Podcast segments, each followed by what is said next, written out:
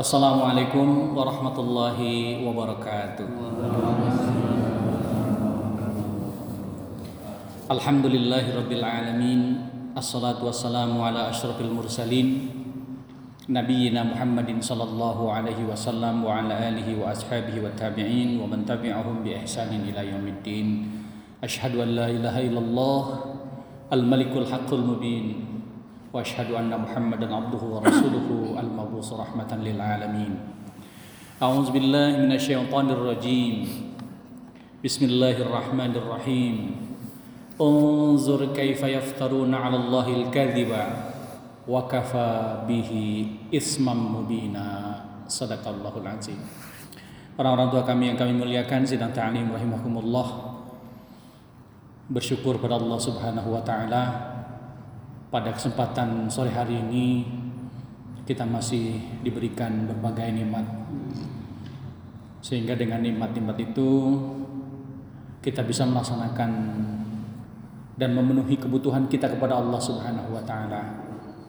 Salawat dan salam semoga senantiasa tercurah kepada Nabi kita Muhammad sallallahu alaihi wasallam, keluarganya, sahabatnya dan insyaallah siapa saja yang selalu berusaha untuk melaksanakan sunnahnya. Sedang ta'lim rahimakumullah kita sampai pada surah An-Nisa ayat 50. Pada An-Nisa ayat 49 kita sudah di apa kita sudah membicarakan tentang berbagai karakter orang Yahudi. nah, pada ayat ke-50 ini ayat yang akan menegaskan perilaku orang-orang Yahudi. Para pemuka Yahudi yang sudah kita bahas pada ayat ke-49 kemarin itu ya dalam ayat ini yang kemudian Allah nyatakan unzur kaifa yaftaruna 'ala Allahil kadhiba wa kafa bihi ismam mubina. Perhatikanlah betapakah mereka mengada-adakan dusta terhadap Allah dan cukuplah perbuatan itu menjadi dosa yang nyata bagi mereka.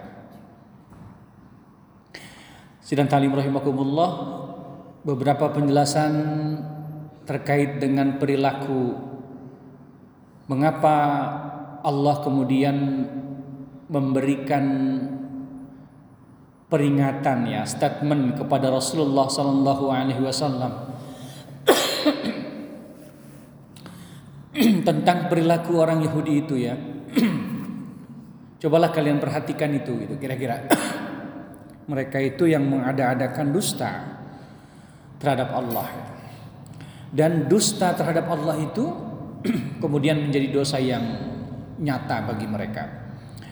Apa dusta orang-orang Yahudi, pemuka-pemuka Yahudi yang dimaksud oleh Allah Subhanahu wa taala? Adalah kedustaan yang mereka sudah buat pada penjelasan ayat ke-49.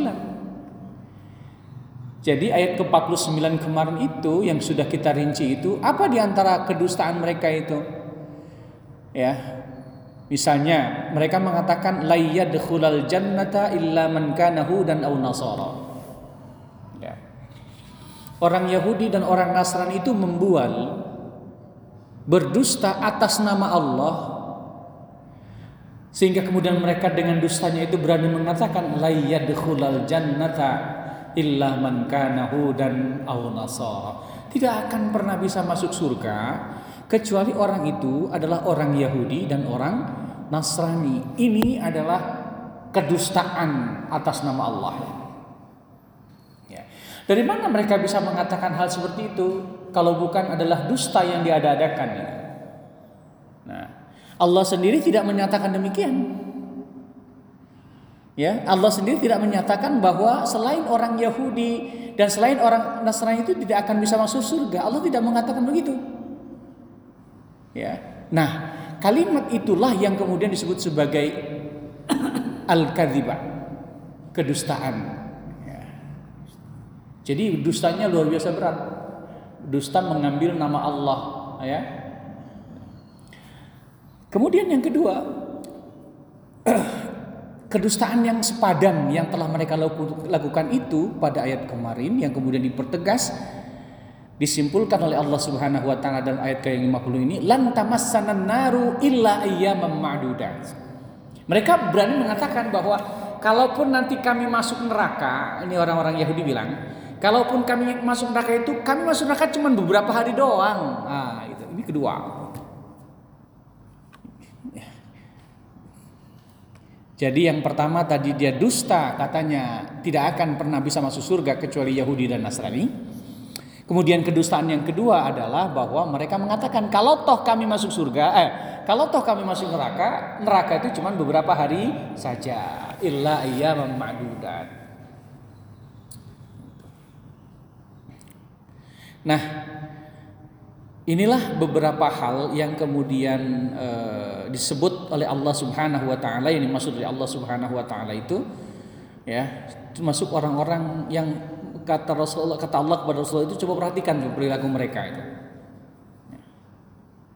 Betapa mereka kemudian berani mengatasnamakan Allah dan isinya semuanya dusta, isinya semuanya bohong.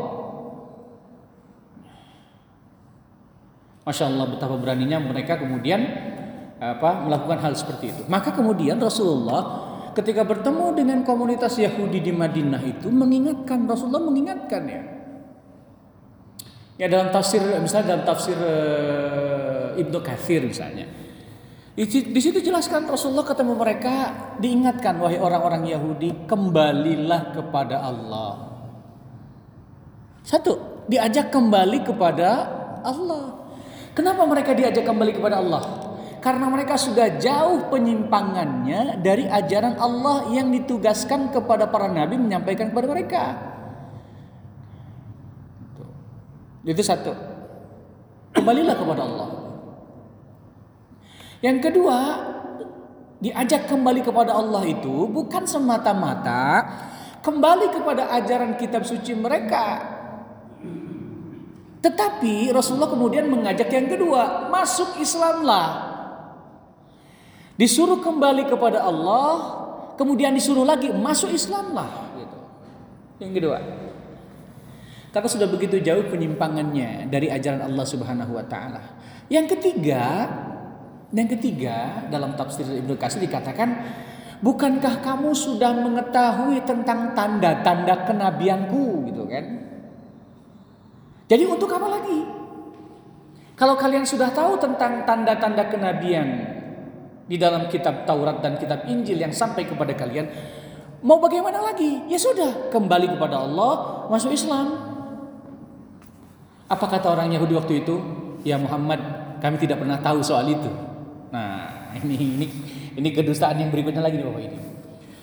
Bayangkan, dia jawab orang-orang Yahudi itu menjawab, "Ya Muhammad, kami tidak pernah tahu soal itu." Soal apa maksudnya? Soal bahwa sifat-sifat kenabian Rasulullah Shallallahu Alaihi Wasallam itu sudah mereka baca, sudah mereka ketahui karena memang itu di, apa di, diceritakan, di, apa di, dijelaskan di dalam kitab suci mereka. Tapi mereka dengan entengnya mengatakan tidak mengakui itu. Kami nggak tahu soal nggak tahu tahu soal itu. Masya Allah. Nah, begitulah kerasnya mereka orang-orang Yahudi yang yang kemudian uh, sudah sedemikian uh, jauh penyimpangannya terhadap ajaran yang sudah Allah turunkan kepada mereka. Dan di dalam sejarah kenabian, Bapak Ibu dan sekalian yang saya hormati, tidak ada umat yang dikirimkan kepada mereka Maaf, tidak ada nabi yang lebih banyak dikirimkan kepada umat selain mereka. Ya. Ini perlu kita garis bawahi. Tidak ada Allah menurunkan para nabi yang lebih banyak kepada orang-orang Yahudi. Bani Israel itu nggak ada. Sebagian besar para nabi itu dikirimkan untuk meluruskan mereka. Karena begitu kera, apa begitu e, besarnya penyimpangan mereka terhadap ajaran Allah Subhanahu wa taala itu. Sudahlah mereka sebelum-sebelumnya yang sudah kita tahu ngakal-ngakalin syariat hari Sabtu ya kan? Ya, mengingkari apa yang sudah mereka ketahui tentang kerasulan Muhammad dan sebagainya. Nah, di dalam Islam, di dalam ajaran Rasulullah sallallahu alaihi wasallam itu berdusta atas nama Allah Allah itu termasuk perkara-perkara dosa besar. Nah, makanya hati-hati mengucapkan demi Allah. Kalau itu kemudian untuk memperkuat kebohongan itu itu sudah berdusta atas nama Allah. Kadang-kadang orang kan harus meyakinkan, meyakinkan orang lain kalau sudah jatuh kata demi demi Allah. Orang kalau sudah bilang demi Allah, selesai sudah. Karena yang dijadikan saksi bukan siapa-siapa, tapi Allah. Bayangkan kalau orang harus berdusta tapi dengan mengucapkan kata demi Allah, itu udah masya Allah. Jadi sumpah pantek masih kecil kita suka gitu sumpah pantek lah. Gak tau kita gak, ngerti itu sumpah pantek itu apa itu. Apa gue pernah ngerti nggak itu? Untuk meyakinkan gitu ya. Tapi ada yang lebih tinggi dari sumpah pantek yaitu demi Allah. Para pejabat yang Islam ketika disumpah pakai apa tuh Pak? Demi Allah loh. Al-Quran di atas kepala itu. Demi Allah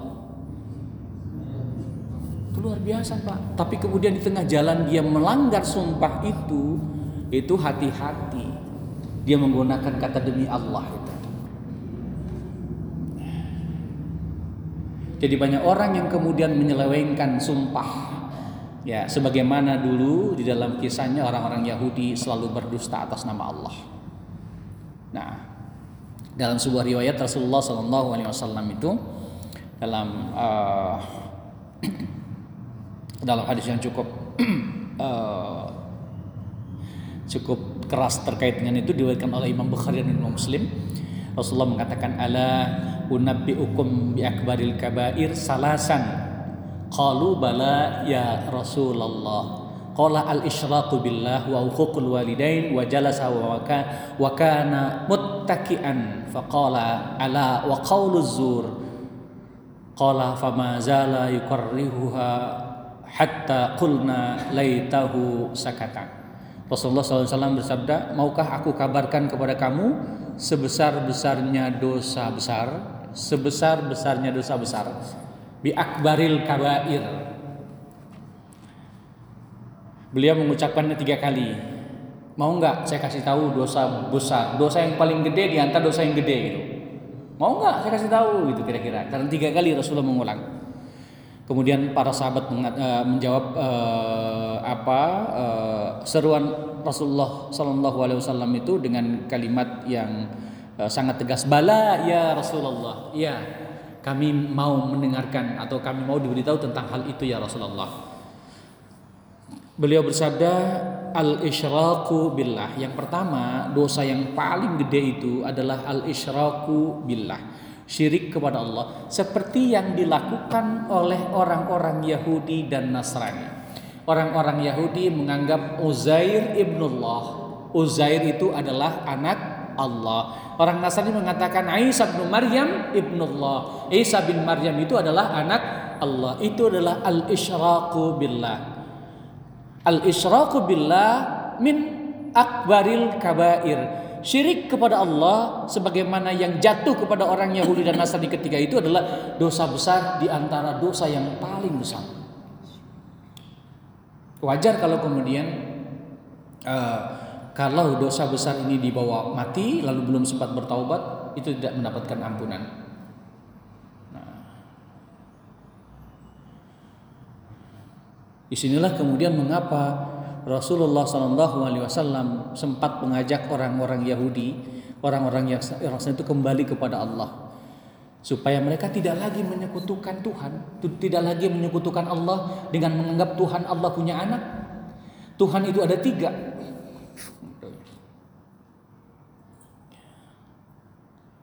Kalau Tuhan ada tiga, kita bingung. Tuhan yang satu maunya begini, Tuhan yang satu lagi nyamunya bugono itu kan ya.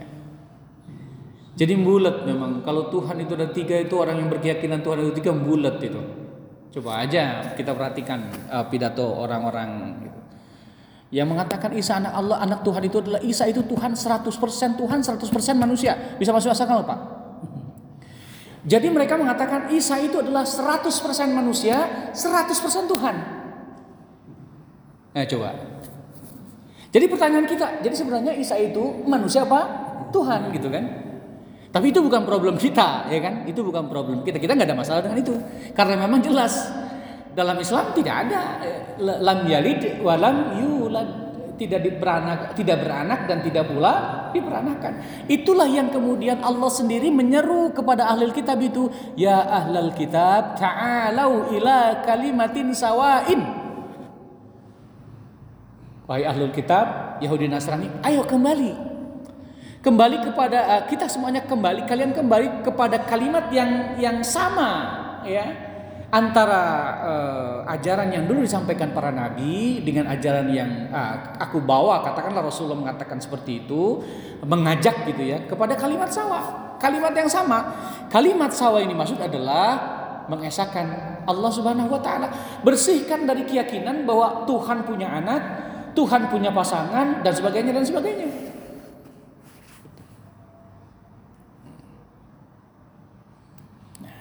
Nah, ini yang pertama. Rasulullah mengatakan bahwa al-isyraku billah termasuk adalah min akbaril kabair. Ya.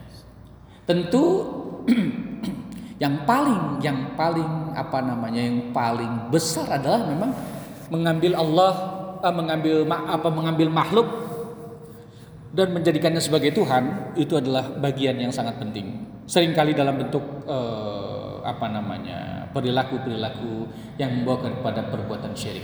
Ini yang sekarang lagi rame kan yang sesajen ditendang nih. Udah lihat Wahidin ya? sesajen ya supaya gunung selamat kagak marah. Maka kemudian dikasih sesajen. Kalau di suara Muhammadiyah udah dimuat ya tentang penjelasan tentang sesajen itu. Itu termasuk bagian kalau kalau menurut keyakinan kita ya ahlus sunnah itu termasuk bagian dari apa? Bagian dari perbuatan syirik gitu. Ya, saya nggak tahu orang-orang tua kita dulu di pala sawah itu masih ada nggak dulu yang yang yang yang naruh sesajen itu.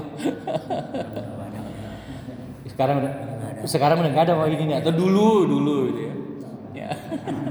biasanya ya, biasanya anak kecil tuh yang suka ngambilin ya ya gitu tapi jangan salah gitu ya. Kalau sesajen itu nggak boleh dimakan. Ya terutama yang yang nggak boleh dimakan itu adalah sesajen yang berupa hewan sembelihan. Jadi kalau ada sesajen ada bekaka ayamnya nggak boleh disentuh pak. Karena bekaka ayam itu memang disembeli. Iya.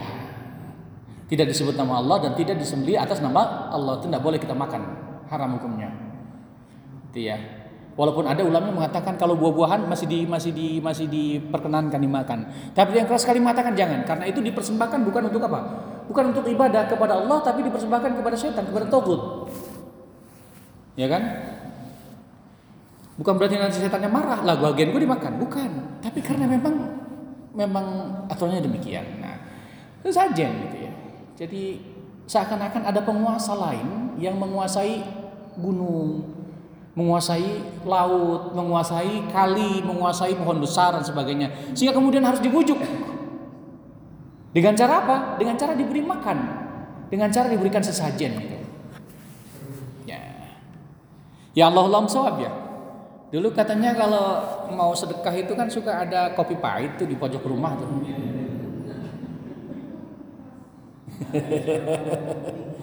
Gimana Pak Ji? Oh gitu ya. ada kopi pahit, kemudian ada bubur merah ya, ada bubur putih gitu kan ditaruh di pojokan gitu. Rokok jinggo ya. ya. Kalau yang punya apa yang yang apa orangnya udah modernan dikit udah nggak pakai itu tuh. Jadi dia belinya Starbucks. Kopi Starbucks atau kalau enggak Sprite sama Fanta tuh kan. Biasanya kan kalau yang wah-wah itu kalau sedekahkan pakainya minumannya itu ya. Nah, rupanya dikasih juga tuh yang di pojok rumah dekat dapur itu supaya jangan hujan, supaya tamu yang datang banyak dan sebagainya. Kalau keyakinan seperti itu masih ada, itu sebenarnya adalah nyerempet-nyerempet. Udah nyerempet-nyerempet itu.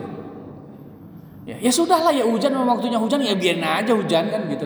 Gak perlu lagi kemudian ada sempak butut ditaruh di atas genteng gitu ya. Gara-gara apa? Gara-gara syaratnya adalah itu. Gitu. Masya Allah. Yang nurunin hujan Allah, yang menahan hujan Allah. Gitu ya. Saking anehnya itu hujan yang nurunin Allah itu. Ada hujan yang selokal doang kan? Di mana kok kemarin itu ada ada ada ada aduh ada videonya itu. Hujan cuman dikit bener Pak. Yang lain pada kering semuanya itu hujan uh, secomot doang gitu. Ya begitulah kekuasaan Allah Subhanahu wa taala. Jadi tidak perlulah kemudian e, diperlakukan seperti seolah-olah ya ada penguasa laut. Ada penguasa laut ada. Siapa penguasa laut? Ya Allah itu sendiri. Tidak ada yang menguasai laut selain Allah Subhanahu wa taala. Penguasa gunung, entah itu gunung Semeru, entah itu gunung Selamat, entah itu gunung Tangkuban Perahu, semuanya. Ya penguasa itu semuanya Allah lillahi ma fis samawati wa ma fil ar wa ma bainahuma. Dalam ayat yang lain seperti itu. Allah lah yang memiliki yang semua yang ada di langit dan di bumi gitu. Ya kan? Jadi tradisi-tradisi seperti itu memang kita akan berhadapan dengan kekuatan yang memang sedang mempertahankan itu. Ya. E, tumpeng ya kepala kerbau gitu kan lalu dilarung di laut. Mengucapkan terima kasih karena apa namanya nelayan merasakan kemakmuran dapat tangkapan ikan yang luar biasa gitu. Ya jadi dia dikasih ikan balasannya kepala. Kepala kerbau. Ya ada sih dagingnya dikit kan Nah masalahnya kemudian kepalanya disedekahkan, eh, kepalanya diberikan kepada penguasa itu, tuh yang lain dimakan bareng-bareng. Orang Arab jahiliyah juga dulu melakukan itu. Ya. Al isyraku billah termasuk perbuatan yang dosa besar. Yang kedua wa uququl walidain. Uququl walidain ini termasuk dari akbarul kabair, termasuk dari eh, apa namanya dosa besar di antara dosa besar durhaka kepada orang tua. Durhaka kepada orang tua itu termasuk dosa besar, berat pak. Ya. Dosanya nggak berampun kalau dia tidak minta pengampunan kepada orang tua yang masih hidup. Karena itu orang yang ditinggal wafat orang tuanya, kenapa sedih? Karena pintu untuk masuk surga itu sudah hilang. Kalau kita punya orang tua, orang tua kita sudah tua dan sepuh, itu adalah kunci kita bisa masuk surga. Salah satunya ya, dengan berbakti kepada mereka, dengan melayani mereka, dengan memberikan uh, pelayanan yang terbaik kepada mereka. Ya, jangan kemudian orang sudah tua disia-sia. Kan banyak yang seperti itu. Sampai-sampai buat surat pernyataan tidak sanggup memelihara orang tuanya lalu orang tuanya dititipkan di panti jompo. Jadi dulu Mungkin kalau kalau kita mau hitung ya, kalau kita mau hitung ya, mungkin ibu itu kotoran kotoran ya yang masuk ke ibu itu banyak sekali tuh. Baru nyuap dua suap. Eh, eh pak, ya kan? Diterusin nggak makannya? Enggak berhenti dulu kok. Sisihkan dulu. Ya elah sedang enak-enaknya lagi ya Sambelnya sambal goa. Lalapnya sambal. Aduh, asik dah. Tapi anaknya buang air, dilepas dulu nasinya. Dia ambil dulu anaknya, bersihkan. Sepanjang membersihkan itu ada aroma yang dihirup nggak? Ya anak itu. Jadi aromanya masuk ke hidung itu. Kalau itu misalnya dia mengeras itu bisa jadi bisa jadi kotorannya itu nggak ada jijinya itu orang tua tuh. Nggak ada. Orang tua nggak ada jijinya sama anaknya. Kalau kecilnya diperlakukan seperti itu tapi kemudian setelah dewasa setelah tua orang tua disia-sia itu termasuk adalah bagian dari durhaka kepada Allah termasuk ukukul walidain Kalau kita tidak bisa menyenangkan dalam bentuk fisik, dalam tidak bisa menyenangkan dalam bentuk materi, senangkan dia dalam bentuk kejiwaan. Nah, sebab apa? Sebab ukukul walidain. Durhaka kepada orang tua termasuk akbarul kabair, termasuk dosa besar di antara dosa-dosa yang sangat besar itu. Imam Az-Zahabi apa menulis kitab judulnya Al-Kabair. Itu di dalam kitab itu itu ada lebih dari 70 dosa-dosa besar itu. Yang pertama, yang paling tinggi, yang paling besar itu memang al-isyraku billah. Yang kedua adalah uququl walidain. Nah, justru sebaliknya, kita masih bisa berbakti kepada orang tua, orang tua kita udah nggak ada. Kita masih bisa berbakti deh. Yang paling bisa berbakti lebih banyak daripada kita adalah cuma bakti Agustiawan itu. Dia mau tiap hari berbakti aja dia mah.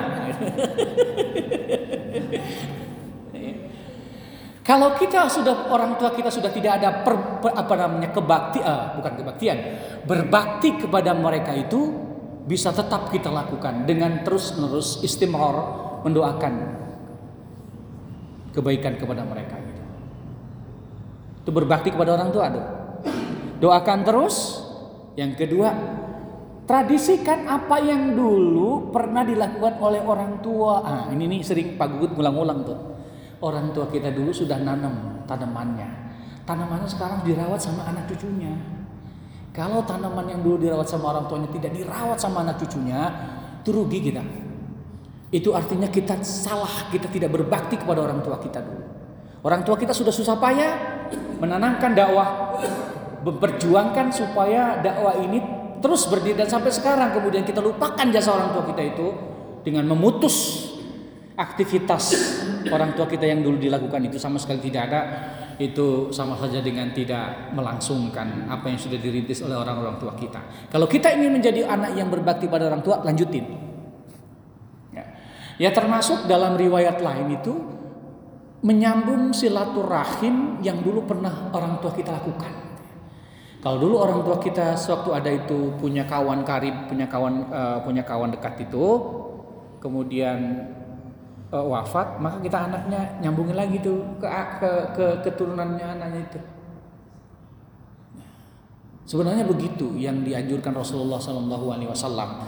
Apalagi kalau masih memiliki hubungan kerabat. Ya.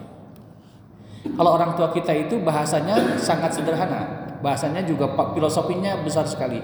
Jangan sampai kita kematian obor.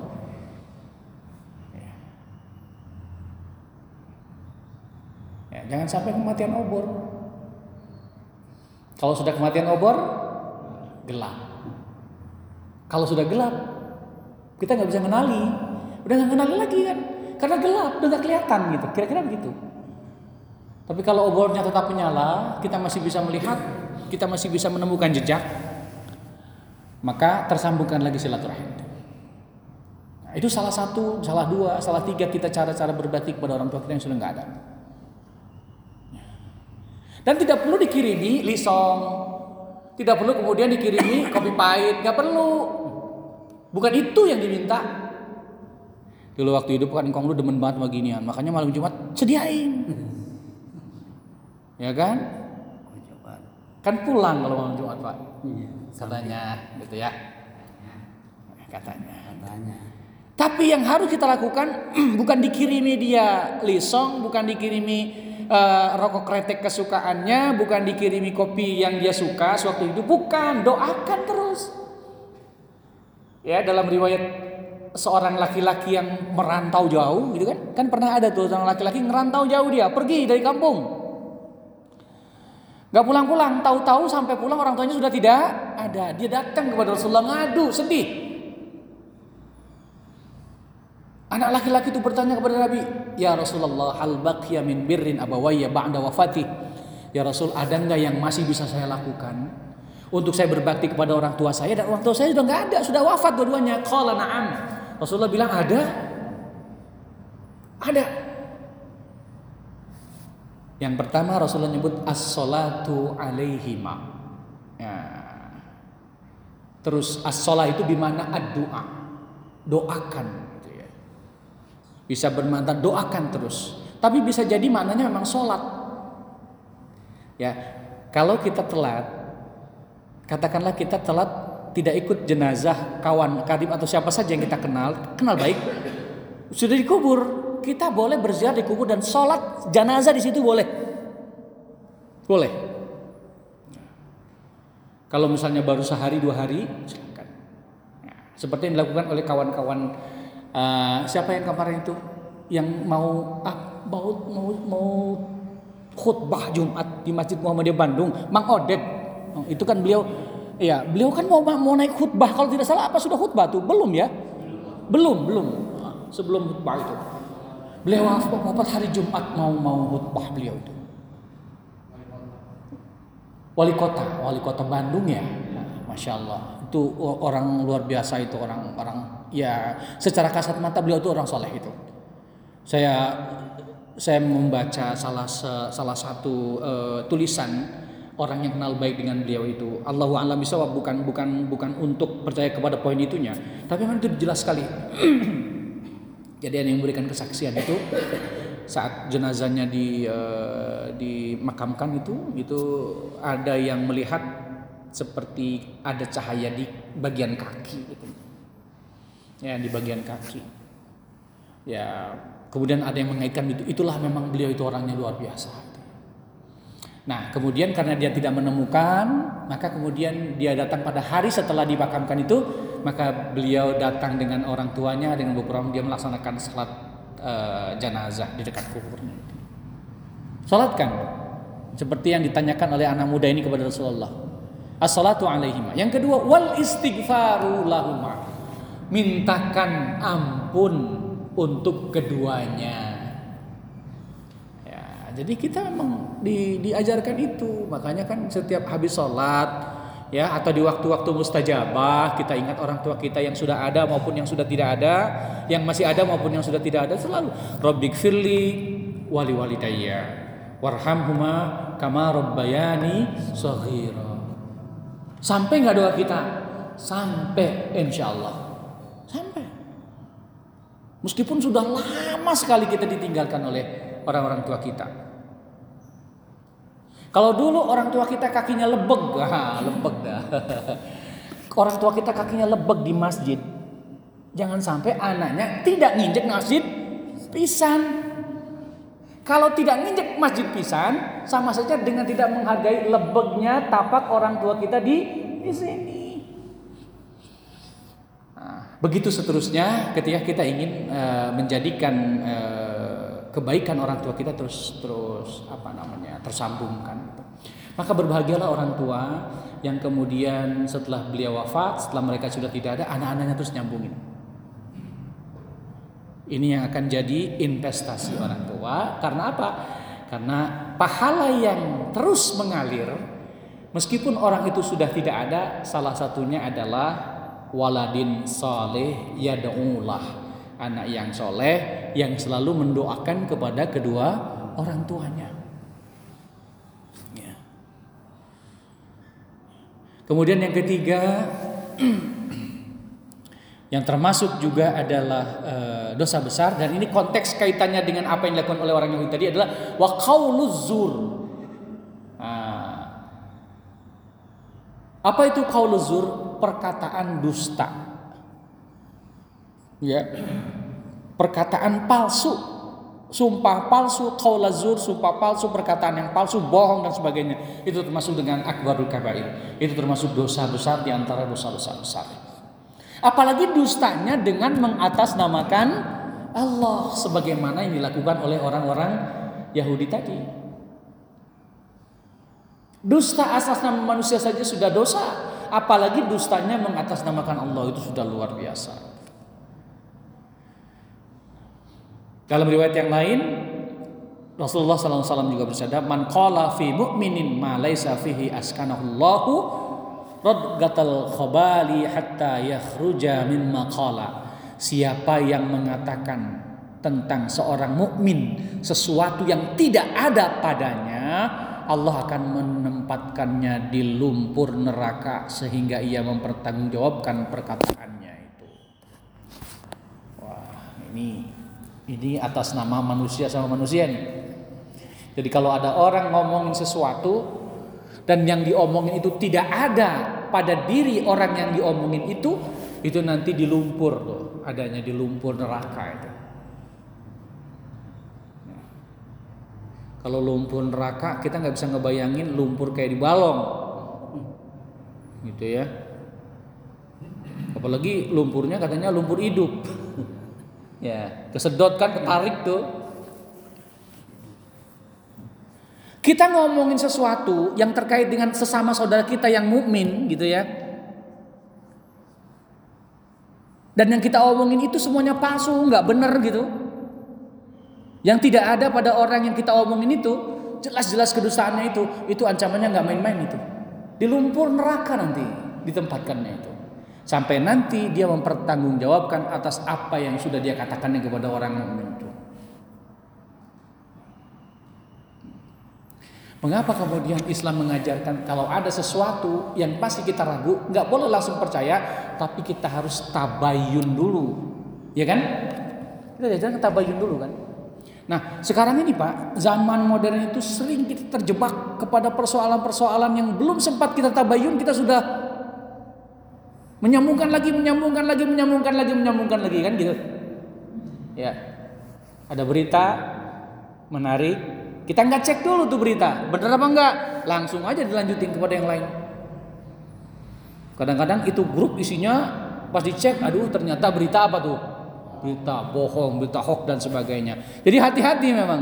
Jadi sekarang ini uh, alat komunikasi semakin uh, semakin canggih, alat komunikasi semakin maju, tapi kita kadang tergoda untuk tidak melakukan verifikasi berita sehingga kemudian berita yang belum jelas kebenaran itu udah kita bagi-bagiin aja dah. Enteng banget bagi-bagiin.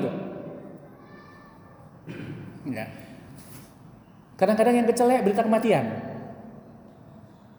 Tahu-tahu habis di-share udah innalillahi wa inna ilaihi rajiun. Allahumma gfir lahu warhamhu wa'afi wa'fu anhu. Eh berita itu berita hoax orangnya lagi di pantai lagi liburan sama keluarganya. Padahal beritanya udah mati tuh.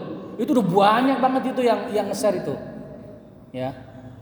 Apalagi ah, kadang-kadang memang memang memang serba salah ya. Kita kadang-kadang uh, kita punya kelemahan di situ. Makanya uh, di zaman sekarang bagi kita yang megang alat komunikasi, cobalah sebelum apa-apa kita nahan dari nge-share dulu dah. Sebelum kita tahu bahwa memang sumbernya dapat kita pastikan itu adalah benar itu. Nah, makanya yang terbaik adalah mengambil referensi dan rujukan itu adalah referensi dan rujukan offline itu. Atau e, kesaksian langsung yang kita terima. Jangan sampai nanti sudah sudah banyak yang tahu, sudah banyak yang ini ternyata nggak benar beritanya. Nah, khawatirnya apa? Khawatirnya kita ikut-ikutan menyebar berita yang bohong. Hadis ini menyatakan demikian. Kalau ada orang mukmin membicarakan tentang orang mukmin saudaranya sendiri dan itu tidak ada pada orang yang sedang dibicarakan itu, itu konsekuensinya masya Allah berat. Sedang taklim rahimakumullah orang-orang tua kami yang kami muliakan. Ada beberapa bentuk-bentuk kedustaan atas nama Allah Subhanahu wa taala, namun tampaknya kita tidak uh, sampai karena ada beberapa ah, sudah tinggal beberapa menit ya. Namun yang jelas uh, beberapa poin yang sudah kita lalui penjelasan yang lalu bentuk-bentuk kedustaan Allah itu seperti tadi ya orang Yahudi menganggap Uzair adalah anak Allah, orang Nasrani mengatakan Isa adalah anak Allah, ya dan segala bentuk penyelewengan yang dilakukan oleh mereka ya. Termasuk di antaranya adalah yang masuk dalam kategori ini adalah di antaranya perbuatan dusta atas nama Allah adalah apa yang dilakukan oleh orang-orang musyrik Arab ketika mereka tawaf di Baitullah dengan telanjang lalu mereka disebahkan itu kepada Allah Azza wa Jalla. Kemudian Allah mengatakan wa idza fa'alu fahishatan qalu wajadna 'alaiha aba'ana wallahu amarna biha. Qul innallaha la ya'muru bil fahsya'i ataquluna 'alallahi ma la ta'lamun. Orang Arab itu punya tradisi ya, punya tradisi melanjutkan apa-apa yang telah mereka dapat, yang mereka dengar, yang mereka lihat dari uh, orang-orang tua mereka. Dan mereka mengatakan ini adalah datang dari Allah gitu. Itu dikecam oleh Allah Subhanahu wa taala. Termasuk tawaf dalam keadaan iriana. Tawafnya telanjang. Itu. Itu terjadi Pak pada zaman zaman Arab Arab jahiliyah dulu seperti itu. Mereka kan sebenarnya sudah melakukan uh, melakukan uh, ritual tawaf, itu sudah. Tapi mereka tawafnya dalam kondisi airiana, telanjang. Silakan dia baca beberapa kitab tafsir terkait dengan itu. Makanya tawafnya juga diatur. Kalau perempuan tawafnya malam.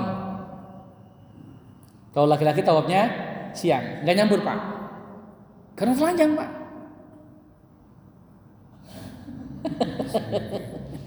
ya.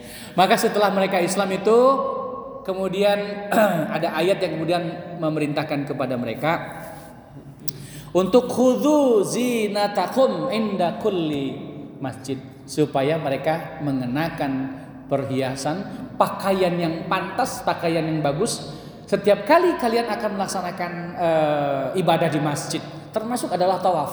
Tawaf itu bimakna salat. At-tawafu salatun. Tawaf itu adalah salat.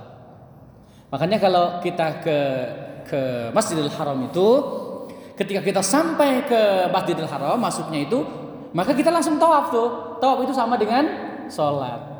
Tujuh kali putaran. Ya, dimulai dari rukun Hajar Aswad.